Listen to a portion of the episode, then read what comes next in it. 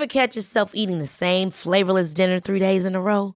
Dreaming of something better? Well, HelloFresh is your guilt-free dream come true, baby. It's me, Gigi Palmer. Let's wake up those taste buds with hot, juicy pecan-crusted chicken or garlic butter shrimp scampi. Mm. Hello Fresh. Stop dreaming of all the delicious possibilities and dig in at HelloFresh.com. Let's get this dinner party started.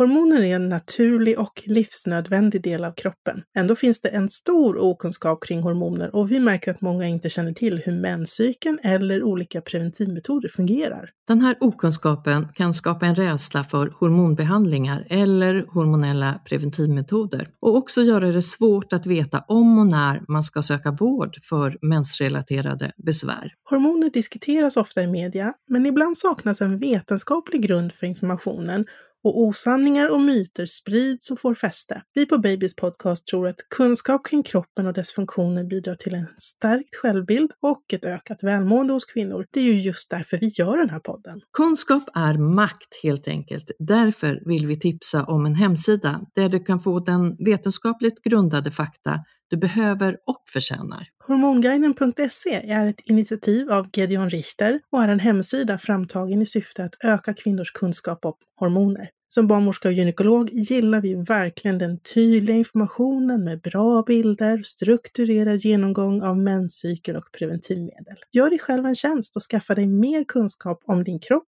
och dina hormoner. Besök hormonguiden.se.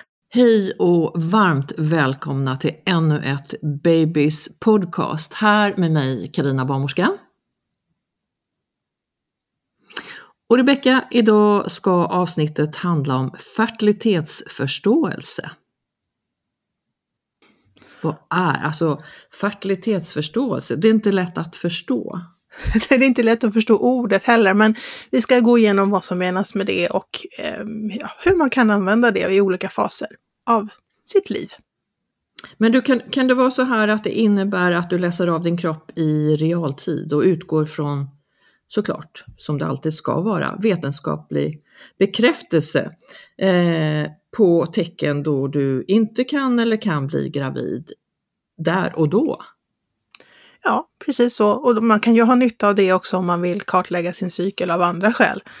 Eh, veta när man ska börja med behandling mot hormonell migrän eller behandling mot PMS. Eller så. så man kan ha det till eh, många saker. Och lära mm. känna sin kropp som sagt. Det är inte så dumt. Det är ju superbra. Kroppskontroll. Men du, mer om det här? Eller allt om det här? Häng med in i avsnittet.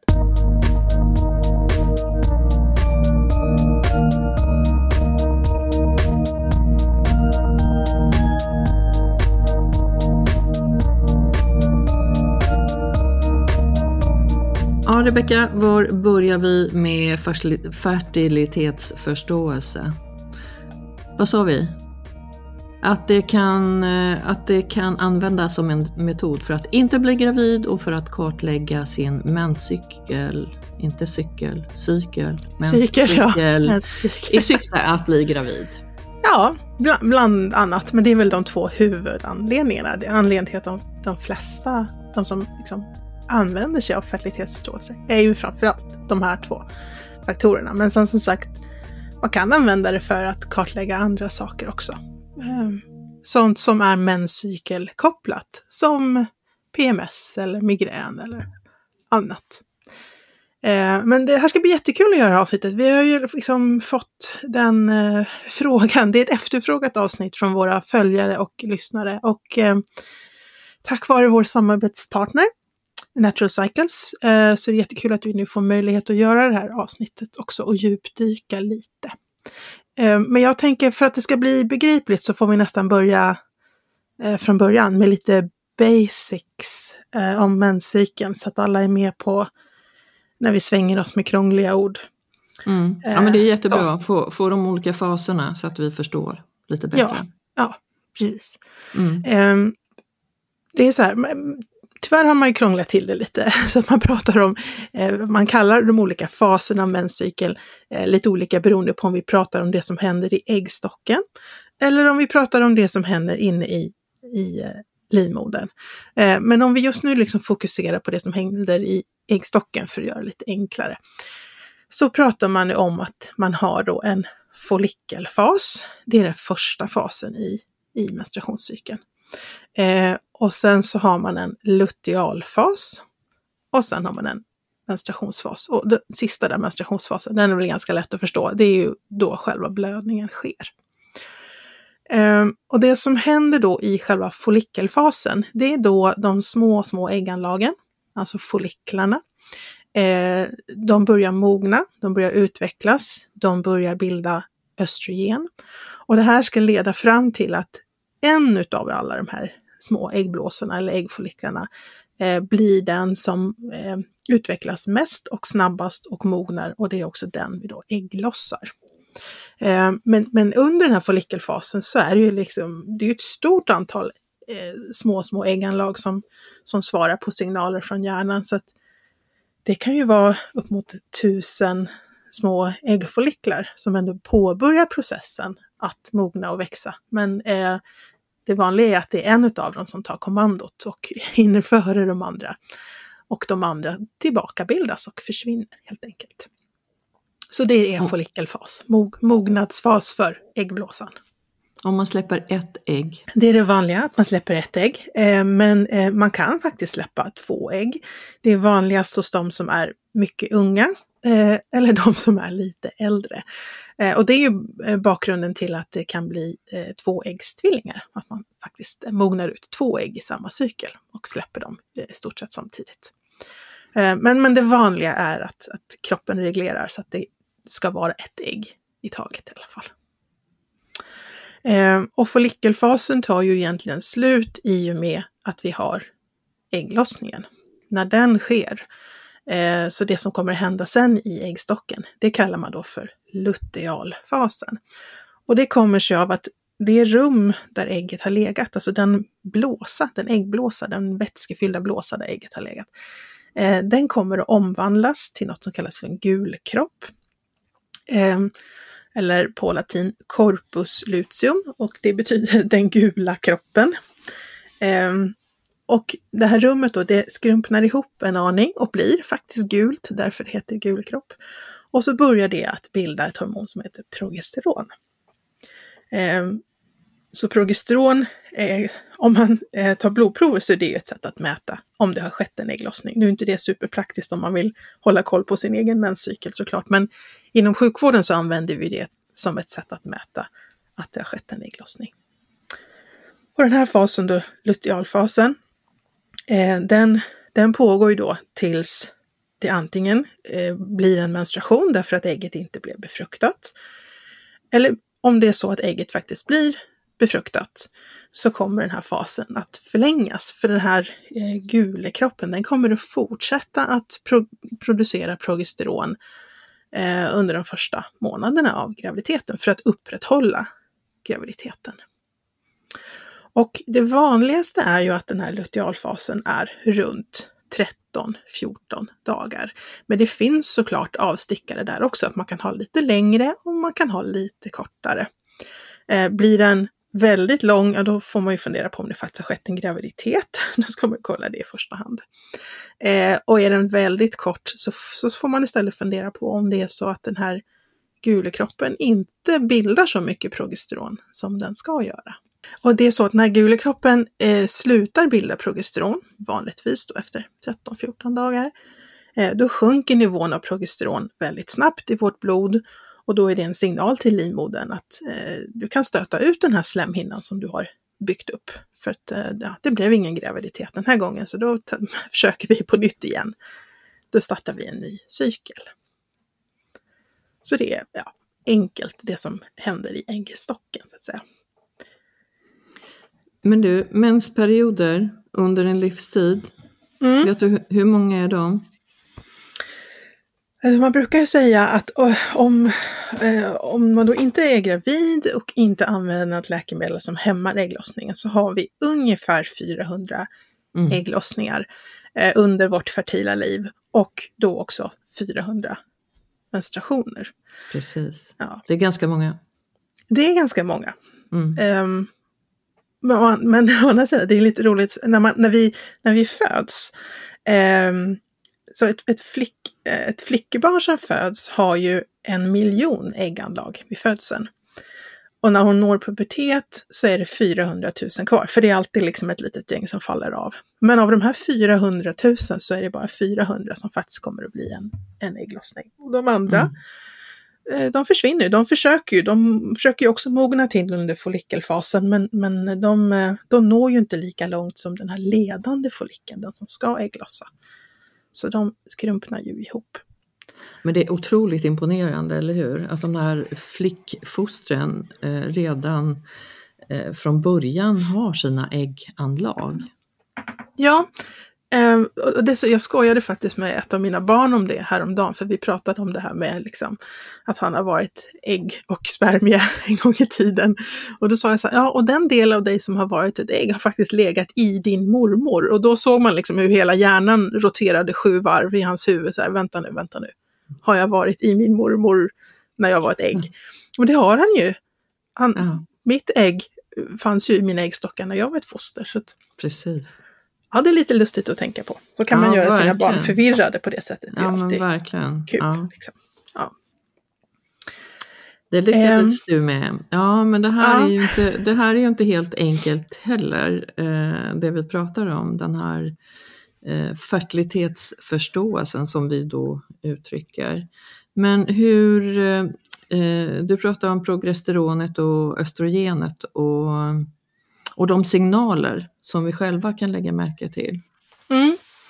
Eh, då är det ju så att progesteron och östrogen har ju lite olika jobb i kroppen, kan man säga.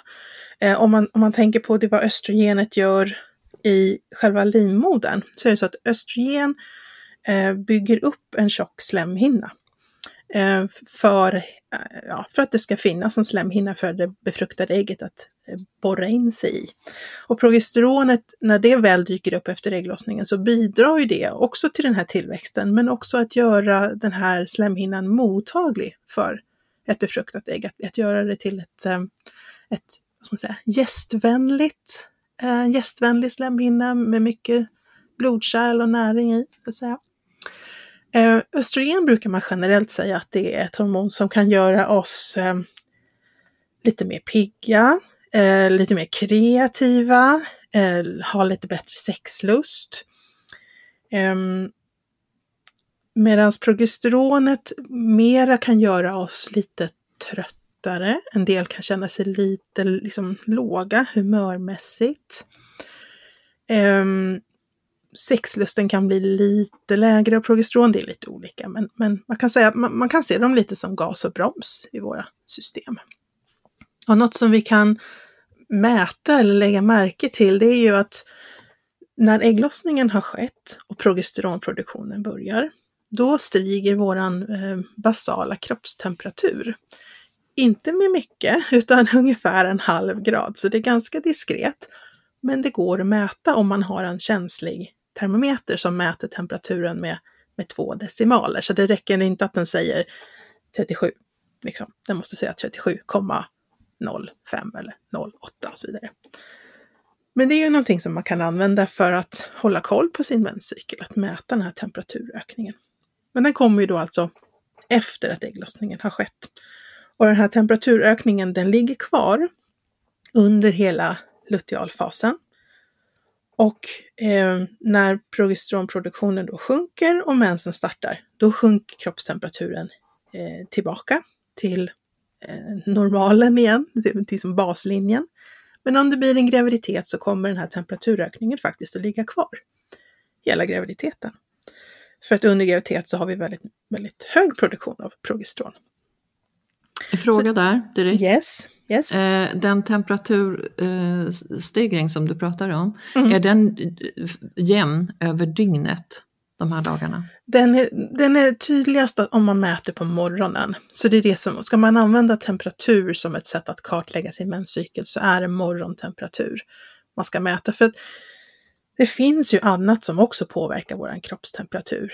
Um, stress till exempel. Eh, men också om vi är sjuka såklart. Jag menar, jag menar, har man en infektion i kroppen så stiger den ju också. Omgivningstemperaturen kan påverka lite grann också. Så att eh, det bästa är att mäta på morgonen när man vaknar. Eh, men man kan också faktiskt mäta eh, under natten. Det finns ju sådana smartring som man kan ha.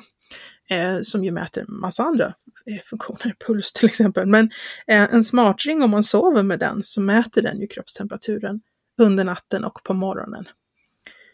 Utan att man behöver liksom ja, tänka så mycket på det och göra så mycket. Så det är ett sätt. Men morgontemp mm. är det som gäller. Mm. Bra. Eh, något annat som många kan tycka är ganska eh, för många upplever det tydligt i alla fall, det är ju hur eh, sekretet från livmoderhalsen, hur det ändras över menscykeln och hur, hur vi kan se det liksom, i våra flytningar. Och då är det så att eh, östrogen, eh, när det har sin topp, när det ligger som högst, det är ungefär ett dygn innan ägglossningen. Och östrogen gör att livmoderhalssekretet blir eh, genomskinligt, eh, kristallklart brukar man ofta beskriva det som. Eh, och att det blir lite så här trådigt, klistrigt, att om man tar lite sekret mellan tummen och pekfinger och liksom drar isär tumme och pekfinger så blir det som en seg tråd emellan. Eh, halkigt ska det vara, kännas. Och det är ju en östrogeneffekt, så det kan man ju då använda för att eh, helt enkelt kartlägga om man är innan en ägglossning. Att man kan märka att nu närmar sig ägglossning för nu börjar mitt sekret bli halkigt och kristallklart och trådigt. Och sen när progesteronproduktionen kommer igång efter ägglossningen, då blir sekretet istället eh, grumligare, det är mera celler i, så den här trådigheten försvinner och så eh, blir det mera vitt eller kanske lite gulaktigt ibland, eh, liksom lite grumligare. Och den här tråddragningseffekten försvinner. Så det är ett annat sätt man kan använda för att ja, veta var i cykeln man befinner sig. Sen är det andra saker som förändras. Eh, sådana saker som eh, var livmoderhalsen eh, befinner sig egentligen liksom i, i kroppen. Eh, man kan ju känna på sin egen livmodertapp. Jag ska inte säga att det är enkelt. Eh, det, kan, det kan behövas ganska mycket övning. En del tycker att det är svårt att nå. Eh, så det här är någonting som man i så fall får liksom öva på och eh, man också behöver lite handledning i. Ehm, och då är det så att ehm, när, när det är kring ägglossning eller före ägglossning så kommer livmoderhalsen att bli, eh, den kommer kännas lite högre upp, att den drar sig lite uppåt i slidan. Eh, den kommer att bli lite mjukare i konsistensen och man kan också känna att den yttre modermunnen, alltså den här lilla öppningen centralt, att den blir lite större. Men som sagt, det här kräver ju att man eh, Eh, att man eh, liksom övar på att känna på det här eh, och att man också får lite hjälp av en barnmorska eller någon som är liksom kunnig och utbildad inom det här. Så det är ingenting man liksom ska använda från en dag till en annan. Det är man liksom måste ju, fin man måste ju, Exakt, man måste ju ja. lära sig att känna skillnader där, hur det är under eh, ägglossning och inte. Ja, mm. precis. Och, och sen mm. när man pratar om fertilitetsförståelse så är det ju liksom en, uh, det finns ju eh, egentligen flera metoder som man liksom faller in under det paraplyt. Um, och då eh, är det här med um, att, att, undersöka sitt sekret uh, är ju en metod, kallas till exempel för Billing-metoden. Eh, och sen är det då det här att mäta sin temperatur, kallas för temperaturmetoden. Eh, att bara använda en, en app liksom med en kalender eller att anteckna en kalender. Att ah, men min förra menscykel var 27 dagar och den innan var 25 och att använda det liksom enbart datum, det kallas för kalendermetoden. Um, och sen finns det metoder som är kombinationer av det här, eh, till exempel justismetoden. Då har man kombinerat ehm, eh, att man liksom mäter, att, man dagligen undersöker tre utav de här, alltså förändringar i livmoderhalssekret, kroppstemperatur och var livmoderhalsen eh, befinner sig och hur den känns. Och sen har vi Natural Cyclet som vi nämnde förut. Det är ju en, eh, en preventivmetodsapp, eller egentligen en app som man kan använda för fertilitetsförståelse generellt. Och den använder då eh, temperatur och menscykeldata i en algoritm som hjälper en att eh, räkna ut vilka dagar i cykeln som man är fertil och vilka dagar som man inte är fertil. Så det skulle vara ett enklare sätt då och ett kanske mer tillförlitligt sätt eller vad, vad säger du? Alltså framförallt skulle jag säga att det är enklare. Det beror på vad man ska jämföra det med. Om, jag, om man liksom tar dem en och en eh, så skulle jag säga att den här kalendermetoden, att bara gå på datum, eh, kallas också ibland för säkra perioder. Det har ganska låg säkerhet därför att eh, då, då, uppskattar man ägglossning genom ett genomsnitt av menscykellängden de senaste 6 till 12 månaderna. Det är rätt mycket osäkerhetsfaktor i det här, så den metoden ensam säger man inte är tillräckligt säker som för att vara preventiv metod i alla fall. Um, det är klart att om man använder den här justismetoden när man liksom har kopplat in tre biomarkörer, eh, gör man det, har man fått bra handledning och bra utbildning och att man är extremt motiverad och verkligen gör det här dagligen, så är det en, en, en metod med hög säkerhet. Men den kräver ju också väldigt mycket av en.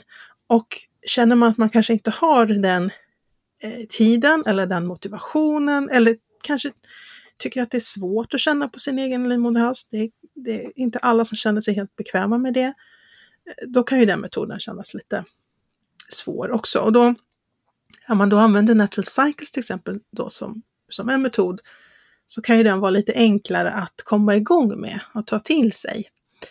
Eh, för att mäta temperatur och att också skriva upp sina menscykeldagar. Eh, det klarar ju de flesta. Eh, och förut var det ju så att man skulle då mäta sin morgontemperatur med en termometer, en bluetooth-termometer som då synkar med den här appen. Eh, och nu är det ju ännu enklare om man vill använda en sån här smart ring till exempel. Då, då kan man bara liksom sova med den, så synkar det automatiskt. Så det har gjort det ytterligare lite lättare och då blir det ju också ytterligare säkrare när man liksom plockar bort en liten mänsklig faktor i det här att äsch, nu har jag glömt att att mäta min temperatur. Ja, för det kräver ju en väldig självkontroll och disciplin faktiskt. Mm.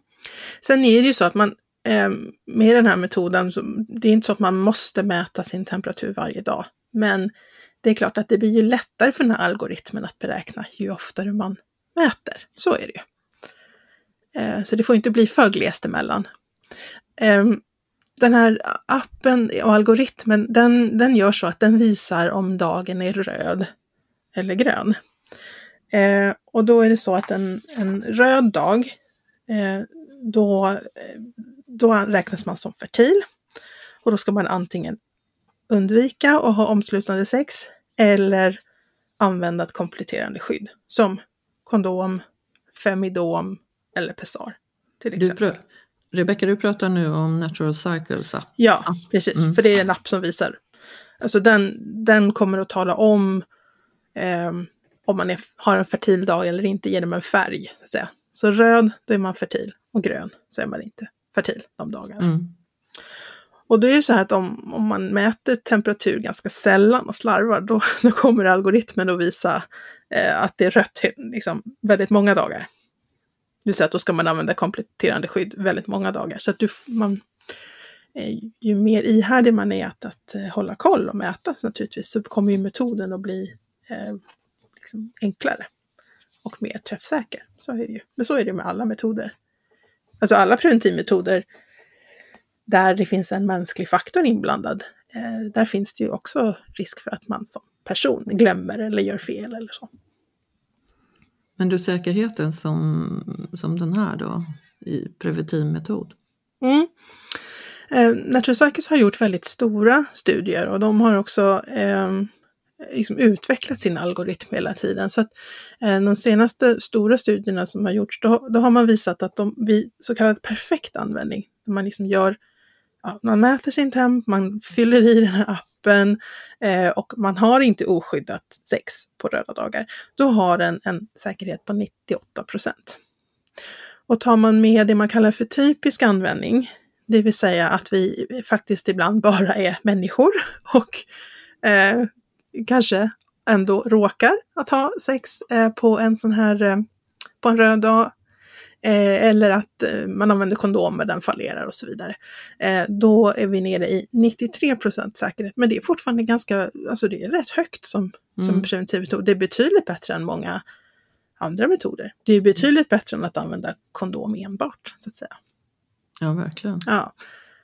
Men det är ju så här med alla preventivmetoder att ehm, det man ska fundera på när man ska välja metod och när man diskuterar med sin barnmorska eller gynekolog så måste man ju ställa sig själv några frågor. Och det är ju eh, hur viktigt är det för mig att inte bli gravid? Alltså vad händer om jag blir gravid? Vad gör jag då? Eh, vad är jag liksom i mitt liv? Eh, det är också viktigt att, att ställa sig frågan, vill jag att min preventivmetod ska ha någon ytterligare effekt förutom att skydda mot graviditet? Vill jag också ha hjälp med mensvärk eller riklig blödning? Ja, då blir det ju vissa metoder som funkar bättre än andra. Eh, hur mycket tid är jag beredd på att lägga ner eh, på min, för att min metod ska funka? Eh, ska den bara funka utan att jag behöver tänka alls? Eller är jag, är jag liksom intresserad av att kartlägga hur min kropp fungerar? Vill jag jobba lite med det här? Så det är sånt som man får fundera på. Och alla metoder passar inte för alla. Så är det ju. Nej, där måste man väl tänka till, som du säger. Var, var, var är jag i livet? Vad är det som Ja. passar Ja. mig bäst? Ja, Men- precis. När skulle inte Natural Cycles passa? Alltså det rekommenderas ju inte för de som är yngre än 18 år. Och, och då är det ju eh, till exempel den här eh, situationen med att man har ett eh, man har liksom ett ganska oregelbundet liv som tonåring. Det är mycket annat som tar ens uppmärksamhet. Eh, så att man har sagt att från 18 år och uppåt ska den metoden användas. Eh, är det som så att man eh, behöver en preventivmetod som dessutom då ska hjälpa mot svår mensvärk eller rikliga blödningar eller ja, något annat, då, då kommer Natural Cycles inte kunna hjälpa en med de här andra sakerna. Utan den är ju för att kartlägga ägglossning och, och fertil, liksom fertila dagar. Ehm, så då passar den ju inte ehm, så Mm. bra. F- f- först skulle jag sagt så här, ja, det passar ju inte den som eh, liksom, kanske reser mycket eller ja, glöm, glömmer sin eh, Bluetooth-termometer någonstans när man är ute och reser. Men, men nu med den här smartringen så kan jag ju liksom inte säga det längre, utan där, där finns det ju ett sätt att hela tiden, eh, man kan ju hela tiden ha det på sig. Eh, Så lite sen- praktiskt. men lite praktiskt. Och sen, ja, ja är det, som, det är ändå så att det här är en investering att skaffa appen och, och att skaffa en termometer. Är det så att, eh, eh, att man har väldigt tajt ekonomi just nu i den del av livet man är, då kanske det inte passar superbra. Ehm, då kanske man ska välja en metod som är eh, rabatterad av, av regionen eller till och med helt gratis. Så att, ehm, alltid individuell eh, rekommendation när det gäller preventiv metod. Och det är det som är så roligt med, med preventiv rådgivning tycker jag. Att här får man ju verkligen skräddarsy liksom. Vem har jag framför mig? Vad behöver Mm. den här personen? Och, Och vad behöver jobbar- den inte? Det jobbar du ju ganska intensivt med. Ja, det är ju en väldigt stor del av, av min jobbvardag. En väldigt, väldigt rolig del av min Mm. jobbvardag måste jag säga. Jag tycker det är superkul. Men där är vi ju väldigt olika för vi, vissa vill inte eller kan inte använda sig av vissa preventivmetoder. Så att eh, det blir ju unikt varje gång för den Mm. personen. Mm. Individanpassat. Precis. Ja, vad mer information? Jag vet du sitter ju på massa bra information om fertilitetsförståelse. Ja, det vi inte har pratat om är ju liksom den andra situationen i livet där man kan använda fertilitetsförståelse. Och det är ju faktiskt när man vill bli gravid. Precis. Eh, och då, för, för det är det ganska många som liksom frågar, så, ja men ehm, okej nu vill vi bli gravid, när ska vi ligga? Hur ofta ska vi ligga? Hur vet jag om jag ägglossar? Um, och, då är, de här, då är ju en sån här metod, en fertilitetsförståelsebaserad metod, eh, kan ju vara väldigt bra. Eh, för att öka chansen att bli gravid, för att eh, kanske bli gravid lite snabbare. Ehm, jag tänker också att det kan vara bra, många som önskar graviditet eh, kan ju nästan bli liksom en stressfaktor det här att nu, måste, nu måste vi ligga varannan dag. Uh, då, det blir inte särskilt roligt liksom. Eh, och då tycker jag att det här är också en, ett smart sätt att se att ja, men just den här veckan, då är det en högfertil period. Ja, då får vi ligga lite oftare. Och sen behöver man inte stressa fram det under de andra faserna utav menscykeln, utan då har man sex om, om man har lust, inte för att det ska vara bebisfabrik. Så det, jag tänker att för många med graviditetsönskan så kan det här också liksom faktiskt sänka stressnivån eh, mm. rätt så rejält. Ja men verkligen en antistress. Man mm. fokuserar på andra saker. Och då använder man ju samma Have catch yourself eating the same flavorless dinner three days in a row? Dreaming of something better? Well, hello fresh is your guilt free dream come true baby. It's me, Gigi Palmer. Let's wake up those taste buds with hot juicy pecan crusted chicken or garlic butter shrimp scampi. Mm. Hello Fresh. Stop dreaming of all the delicious possibilities and dig in at HelloFresh.com. Let's get this dinner party started. Here's a cool fact a crocodile can't stick out its tongue. Another cool fact you can get short term health insurance for a month or just under a year in some states. United Healthcare short term insurance plans are designed for people who are between jobs, coming off their parents' plan, or turning a side hustle into a full time gig. Underwritten by Golden Rule Insurance Company, they offer flexible, budget friendly coverage with access to a nationwide network of doctors and hospitals. Get more cool facts about United Healthcare short term plans at uh1.com.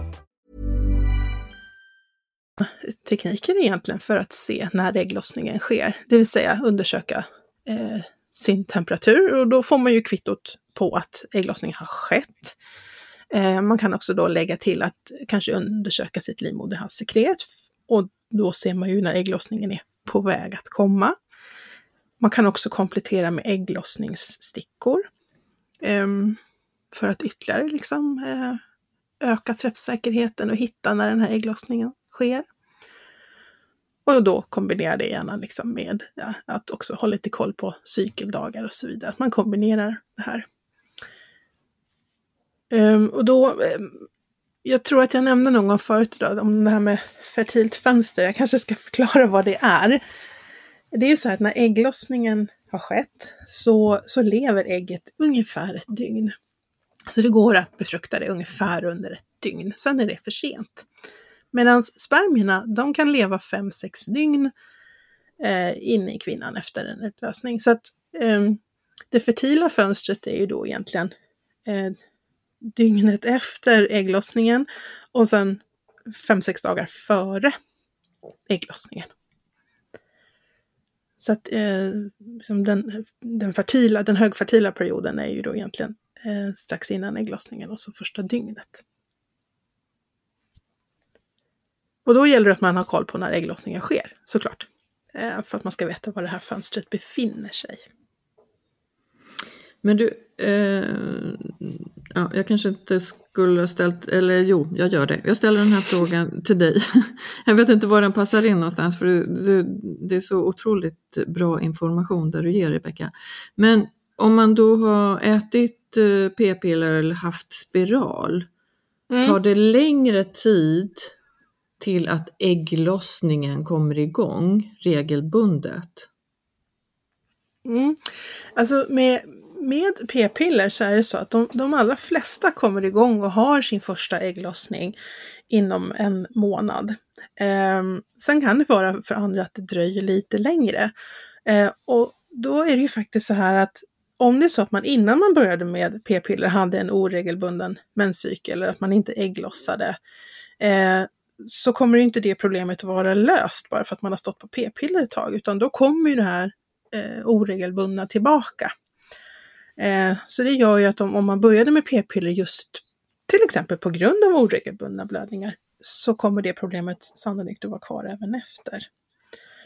Eh, när det gäller spiral så är det ju som så att en, en kopparspiral till exempel påverkar inte ägglossningen alls utan ägglossningen fortsätter under den tiden du har en kopparspiral. Eh, så att när man tar ut kopparspiralen så ja, fortsätter ju ägglossningen egentligen. Det är ju, den, eh, kopparspiralen påverkar ju eh, liksom in, det påverkar ju livmoderslemhinnan egentligen och miljön i livmoderhalsen.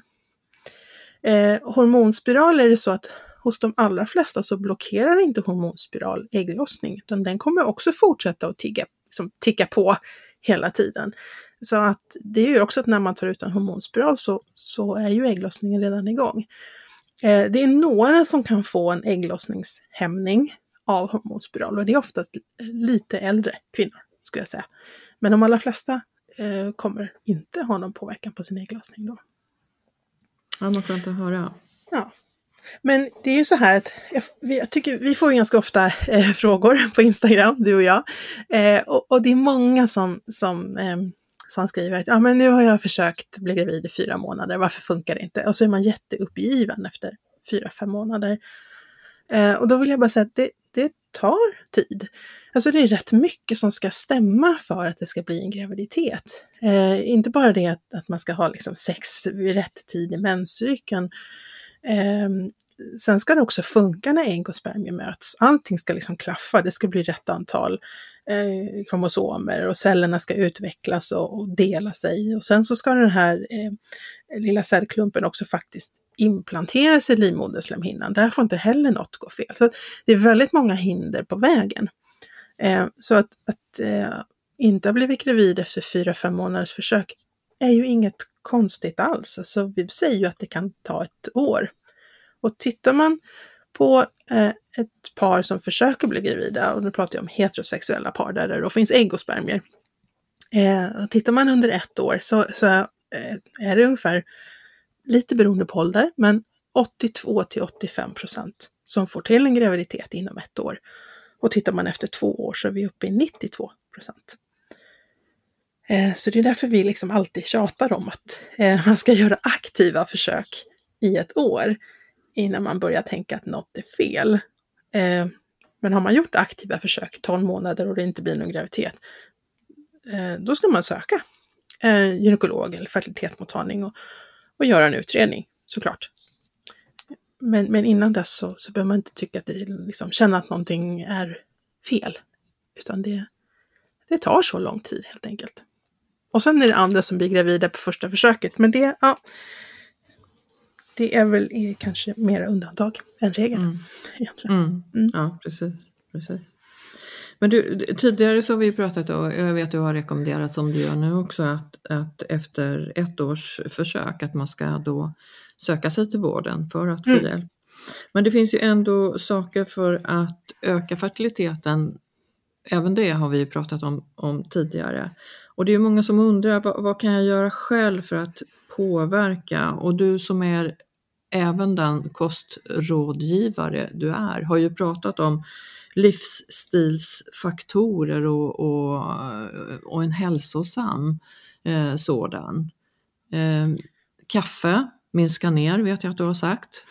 Håller ja, det, det fortfarande? Ja, det är ju alltså kaffe handlar ju framförallt om man, om man tänker för, för den som ska bidra med ägget, för kvinnan, så är det ju så att eh, i studier så är det inte visat att kaffe, att, att dricka kaffe på något sätt gör det att det tar längre tid att bli gravid. Däremot så ökar ju en stor konsumtion av kaffe risken för missfall. Så det är egentligen först liksom när man är gravid som man ska eh, dra ner på kaffet rejält.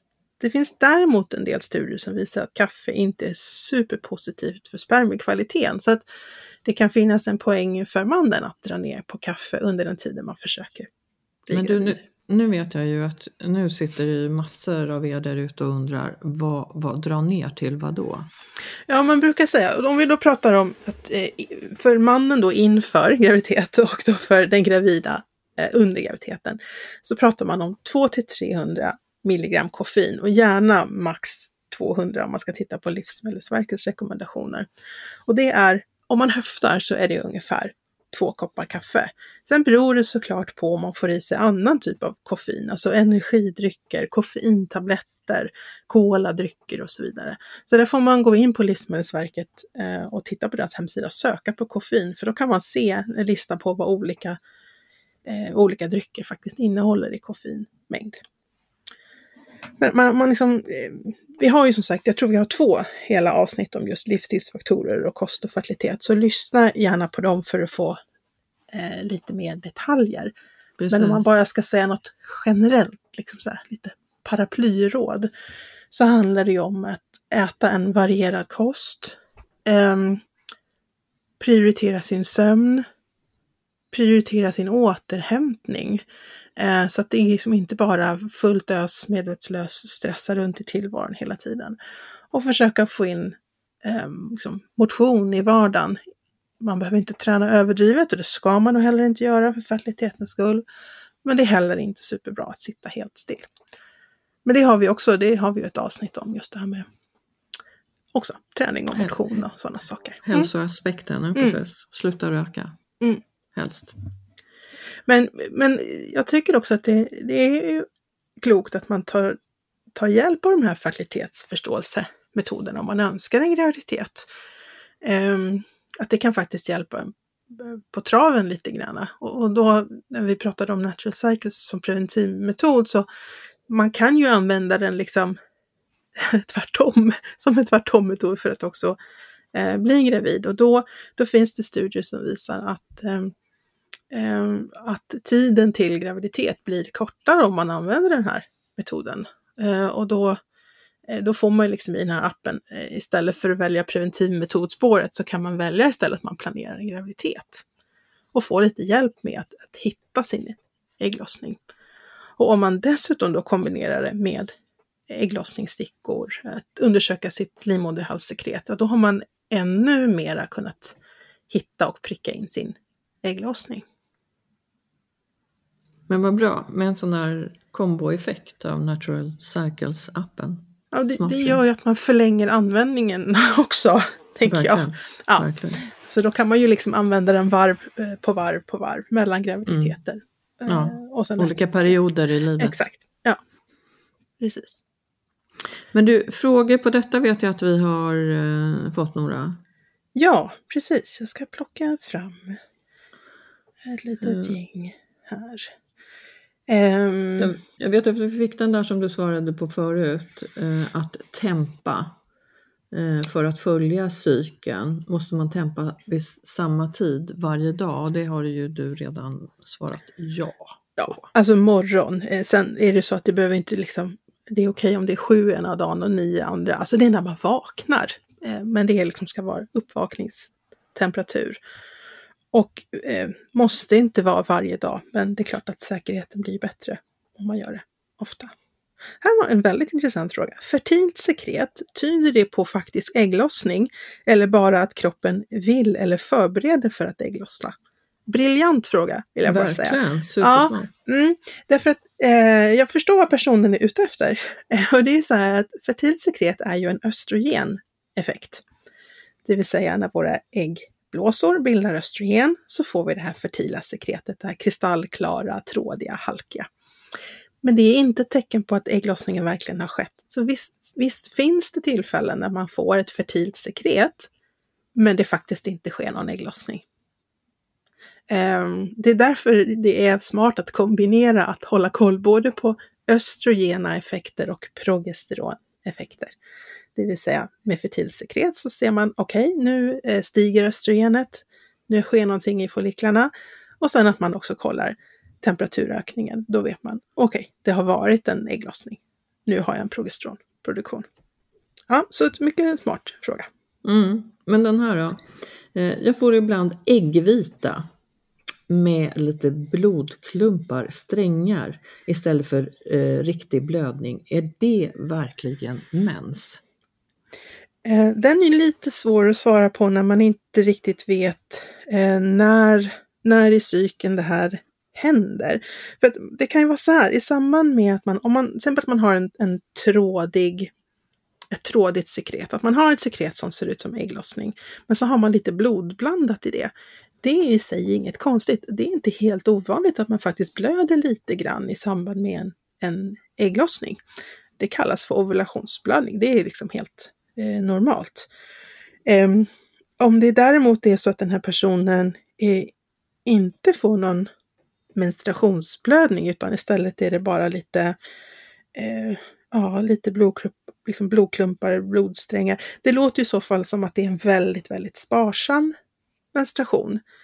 Eh, det behöver ju inte vara något farligt i sig, absolut inget farligt, men om det är så att man försöker bli gravid så kan man ju fundera på lite grann hur, hur Nivåerna är om det blir en så sparsam blödning. Har det verkligen byggts upp en riktig slemhinna i livmodern då? Eller är östrogennivån eh, lite för låg hos den här personen? Eh, så att den där frågan så skulle jag säga så här, hmm, där skulle jag tycka att du ska gå till en, en eh, fertilitetskunnig gynekolog. Eh, så att man får liksom diskutera var i cykeln händer det här och hur ser, hur ser slemhinnan ut? Man kan mäta med ultraljud också i olika delar av, av menscykeln för att se hur pass tjockt eh, det här endometriet, alltså livmoderslemhinnan, är. Tar man, tar man blodprover för att mäta hormonerna? Um, det kan man göra. Alltså det, uh, det som är lite klurigt det är ju att det finns ett ganska brett spektrum i vad som är ett normalt östrogenvärde när vi är i fertil ålder. Men man, man kan ta blodprover om man tar dem på specifika dagar, det vill säga eh, gärna cykeldag 3 till 5, alltså precis i början, då har de flesta fortfarande en pågående menstruationsblödning. Då vet man på ett ungefär hur högt östrogenet ska vara. Ehm, då har man liksom referenslista för det. Och sen kan man ta ett prov efter förmodad ägglossning för att se att, att man också får en progesteronökning. Det är ju så vi gör när vi gör fertilitetsutredningar, när vi misstänker att det är något hormonellt. Ehm, Ja, så att om det här är en person som eh, också då försöker bli gravid men, men inte lyckas så skulle jag säga att eh, här behöver du nog faktiskt diskutera eh, med en gynekolog.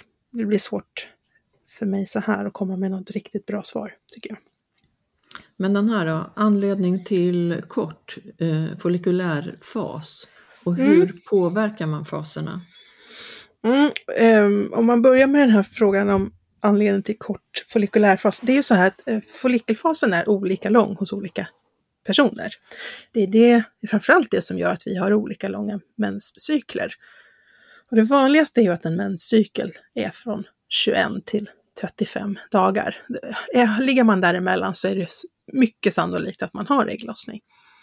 Ehm, de som har lite kortare follikelfas, ehm, det är lite vanligare när man blir äldre.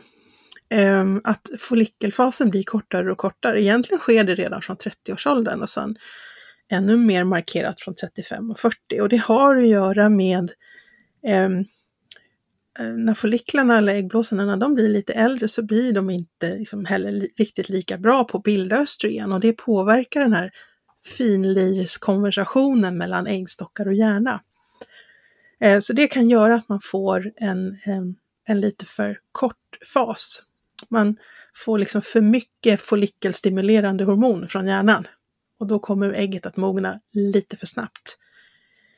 Um, så att det vanligaste som sagt är, om jag nu ska sluta babbla och så komma med ett kort svar, det vanligaste är en åldersfaktor. Uh, att den blir kort. Och om man kan göra någonting åt det, mm, eh, det är väl inte riktigt visat vetenskapligt att, att, att man kan påverka det med hur man lever eller vad man äter, eftersom ålder är den största faktorn.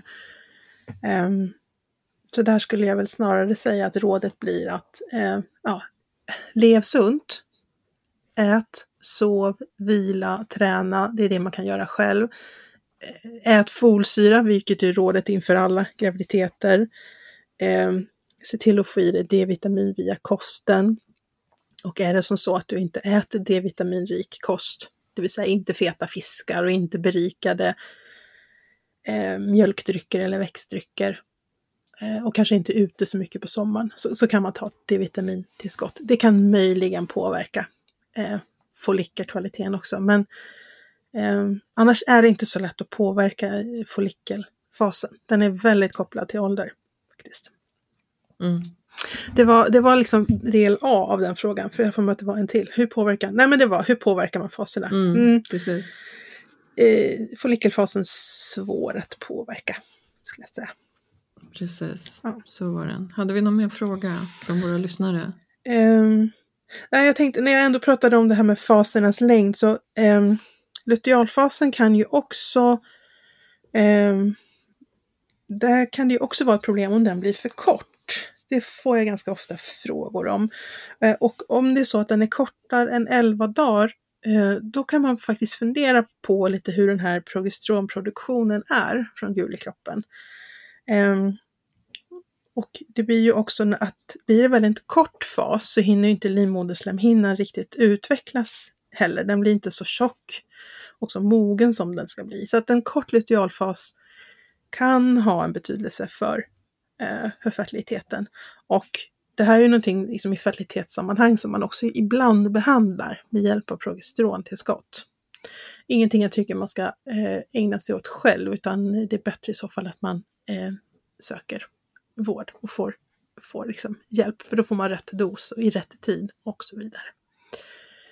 Eh, ja.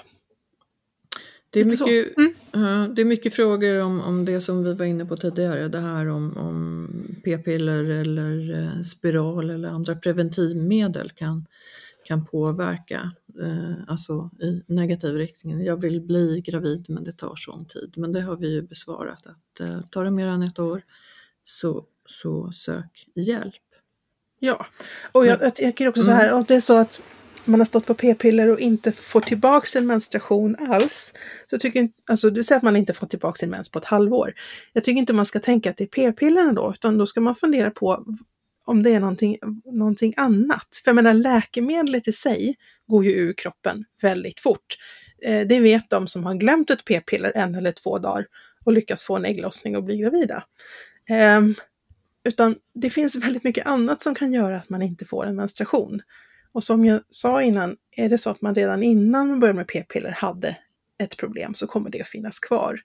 Om man stått på p-piller i tio år så kan det ha hänt saker under den tiden som också påverkar eh, menstruation och ägglossning. Eh, så, så, kommer ingen mens om man då inte är gravid såklart, eh, så sök gynekolog och så får man utreda det. Det finns ju andra anledningar till att mens kan utebli än att man eh, är gravid. Mm. Och att och det, skylla det på... Alltså jag tycker inte man ska efter ett halvår skylla på p-pillerna utan då ska man faktiskt söka och se om det är någonting annat. Ja, Sköldkörteln eller prolaktin Tänk, eller ja. Tänka brett och få hjälp med det. Men du, det är väldigt många som frågar om det här med, med flytningar istället för menstruationer och hur, hur tänker vi om, om dem? Eh, är det, hur, hur, ser flytningarna ut under eh, mellan mensperioderna och ägglossning? Är det någonting vi behöver hålla koll på? Um, alltså man kan säga så här, det beror lite grann på vad man har för syfte. Eh, att, eh, att om man inte önskar graviditet och inte använder sekretet som en, en, en metod att eh, skydda sig mot graviditet, så är det så. Det är klart att man alltid ska hålla koll på sin flytning. En normal flytning eh, är ju eh, vit, den är slät, den kan lukta lite syrligt. Eh, I samband med ägglossning eller strax innan ägglossning så blir den genomskinlig, lite halkigare och trådigare. Och innan mens lite mera eh, grumlig, eh, säga, kanske lite mera gulaktig. Eh, är det så att flytningen luktar illa, att det är eh, blodstänk och det inte är, alltså inte är menstid, eh, att det är grynigt eller man har sådana symptom, då ska man ju söka för att få en en, en undersökning. Framförallt skulle jag säga om det är så att man har blödning på fel tid i sin menscykel så ska man söka vård och undersöka det. Um, och är det så att man har ett fertilitetsfokus, då är det ju den här ägglossningssekretet man ska hålla ögonen efter. Det här kristallklara, eh, trådiga, helt enkelt. Eh, du började frågan med de som inte får mens utan får flytning istället. Eh, där tänker jag ju samma sak. Är det så att alltså man kan hoppa över mens eh, då och då. Eh, får man ingen ägglossning en viss cykel så får man då heller ingen menstruationsblödning. Det kan hända då och då. Det är ingen fara om det händer någon gång ibland.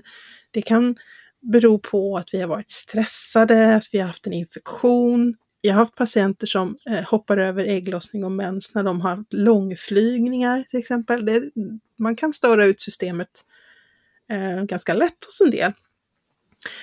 Men är det så att man under en längre period inte menstruerar, Eh, och framförallt om man liksom inte mår bra på något annat sätt, då ska man ju söka för det, tycker jag. Utreda det. Och naturligtvis kolla graviditetstest då, om man kan Mm. vara gravid. Ja. Jag glömmer tänker alltid bort att säga det, men det är naturligtvis så att den vanligaste orsaken till utebliven menstruation är graviditet. Mm. Och det här med flyga och befinna sig i olika tidszoner och så vidare, det tänker jag att det kan ju vara så att vissa yrkesgrupper har mer svårt att bli fertila eftersom kroppen ständigt befinner sig i olika tidszoner. Ja, man skulle ju nästan vilja göra en liten ministudie på eh, flygpersonal. Jag vet inte, det, det finns säkert någon, jag har bara inte hittat den. Men eh, jag har inte sett någon sån studie, men jag har haft en hel del patienter som eh, beskriver att, eh, alltså de som reser mycket och reser över tidszoner och datumgränser, de beskriver att menscykeln ofta störs ut av det. Mm. Av naturliga skäl då. Ja. Mm. Alltså det är ett känsligt system, så är det. Ja men det är ju det. Mm. det, är ju det. Men du, vad har, vi, har vi glömt något?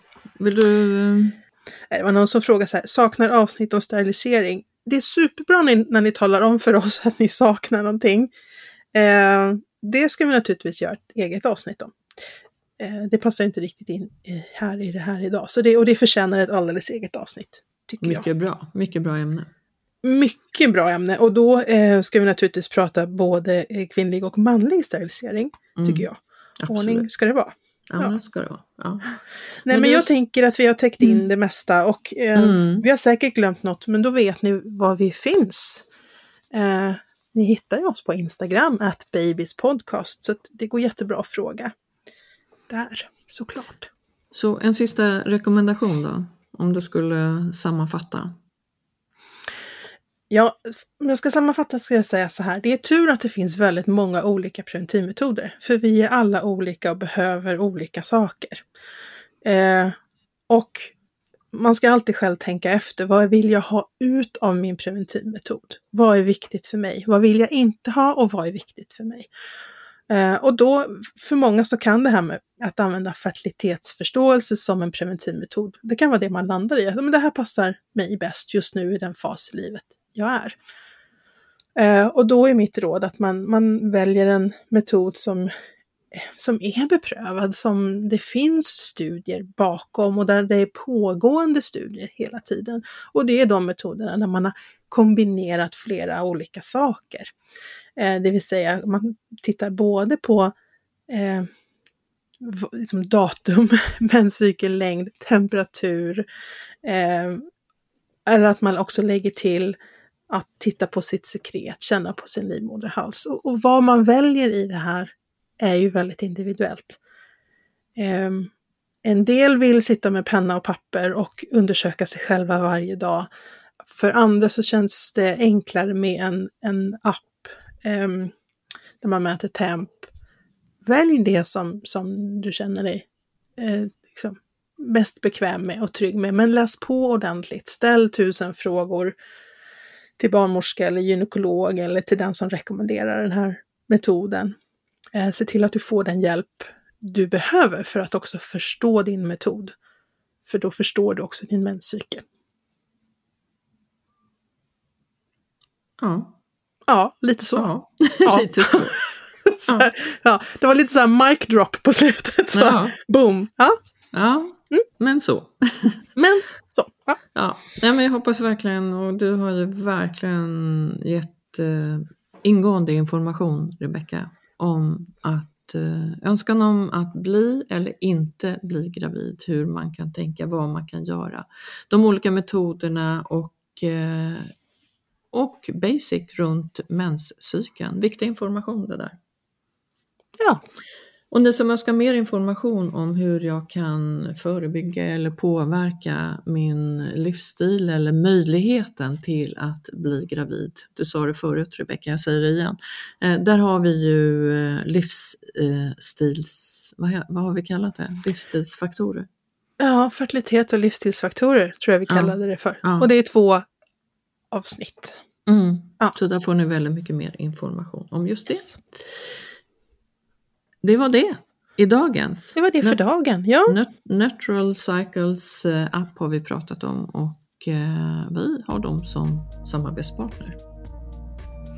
Eh, bra, vi hörs snart igen ni där ute. Jag hoppas att ni följer oss både på Instagram och eh, kikar på alla våra avsnitt. Det finns ju väldigt massa, både för dig som vill bli gravid, för dig som ska föda, för dig som har fött och så vidare. Mycket, hela spektrat kvinnohälsa egentligen. Mm. Men vi hörs snart igen Rebecka. Ett nytt avsnitt eh, släpps varje torsdag. Jag hoppas att du hänger med oss där. Ha det gott, ta väl hand om dig. Du Rebecka. Mm. Och ni Och där du ute. med. Tack snälla. Hörs snart igen. Hej då!